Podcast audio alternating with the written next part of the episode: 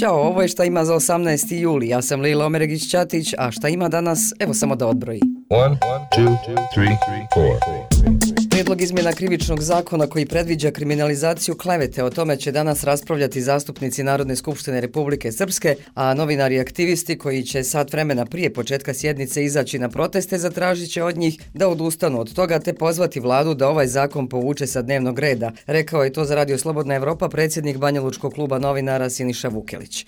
Iako su u novom tekstu zakona novčane kazne drastično umanjene u odnosu na nacrt zakona i sad su raspon od 1000 do 3000 eura, Vukelić smatra smatra da je suština zakona ostala ista. Kazne da su i pet maraka, to toliko nije važno koliko krivični proces koji se može voditi protiv novinara ili bilo kojeg pojedinca koji traje i po pet godina u Bosni i Hercegovini drugo što krivični progon nekoga državnim novcem, državnim sistemom, celokupnim upom i tužilaštvom i to trošku države protiv ljudi koji slobodno misle ili pišu, znači da možete doći u ogromne probleme jer vam se može dozeti pasoš, može vam se zaplijeniti računari, kompromitovati vaši novinarski izvori, morate dokazivati godinama da ste u pravu, ne možete dobiti potvrdu da niste krivično gonjeni ukoliko bude presuđeno. E, mislim da ovo nije dovoljno, novinarska zajednica, aktivisti i svi ostali su bili jasni. Nemojte kriminalizovati klevetu. Povucite ovaj sraman, skandalozan prijedlog izmjena i dopuna krivičnog zakonika Republike Srpske. Medijska zajednica, aktivisti, nevladin sektor i međunarodna zajednica mjesecima upozoravaju na to da bi ovakav krivični zakon koji predviđa kriminalizaciju klevete mogao donijeti samo uvođenje cenzure i gušenje slobode govora. Ovo je zanimljiva informacija, nije prvi korak, ali je jedan od ozbiljnijih, da se vještačka inteligencija stavi pod neku vrstu kontrole. Naime, Vijeće sigurnosti UN-a održat će prvu zvaničnu diskusiju umjetnoj inteligenciji u Njorku, a Britanija će pozvati na međunarodni dijalog o njenom uticaju na globalni mir i sigurnost. Vlade širom svijeta razmišljaju o tome kako ublažiti opasnost umjetne inteligencije, koja bi mogla izmijeniti globalnu ekonomiju i međunarodno sigurnosno okruženje. Britanija ovog mjeseca predsjedava Vijećem sigurnosti i traži globalnu vodeću ulogu u regulaciji regulaciji AI.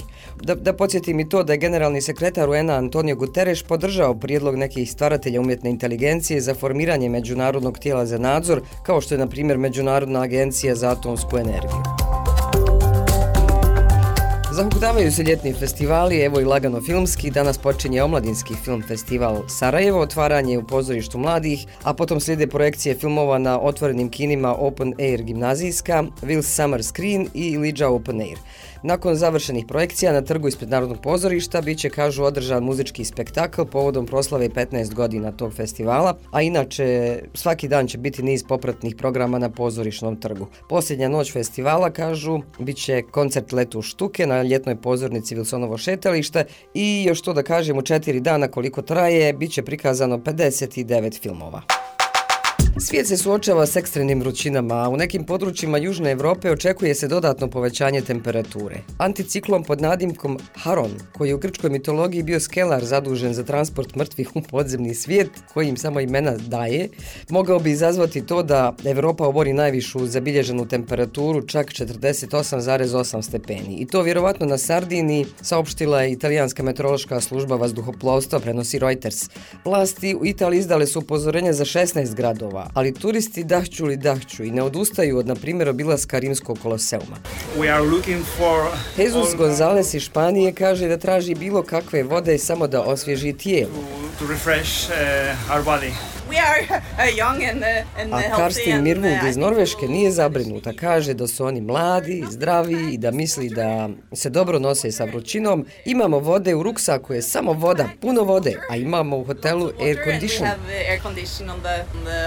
Dobro. Ništa mi neće ovi dan pokvariti. A ne dajte ni da vam ga ja pokvarim s pričom o ekstremnim vremenskim prilikama, ali samo još da ovo kažem, što je rezultat globalnog zagrijavanja i to nažalost postaje novi standard, to je saopštila Svjetska meteorološka organizacija. I još samo ovo, ali stvarno nemojte da ignorišemo za danas izdati crveni meto alarm u Bosni i Hercegovini zbog visokih temperatura, a koji će biti na snazi do srijede i oba dana od 12 do 18 sati, jer će temperature ići od 34 do 40 stepeni. Eto, to su upozorenja oba meteorološka zavoda, pa vi vidite. Eto i to je to, dođite i sutra na isto mjesto i saznaćete u najkraćem šta ima. Ajde, čao.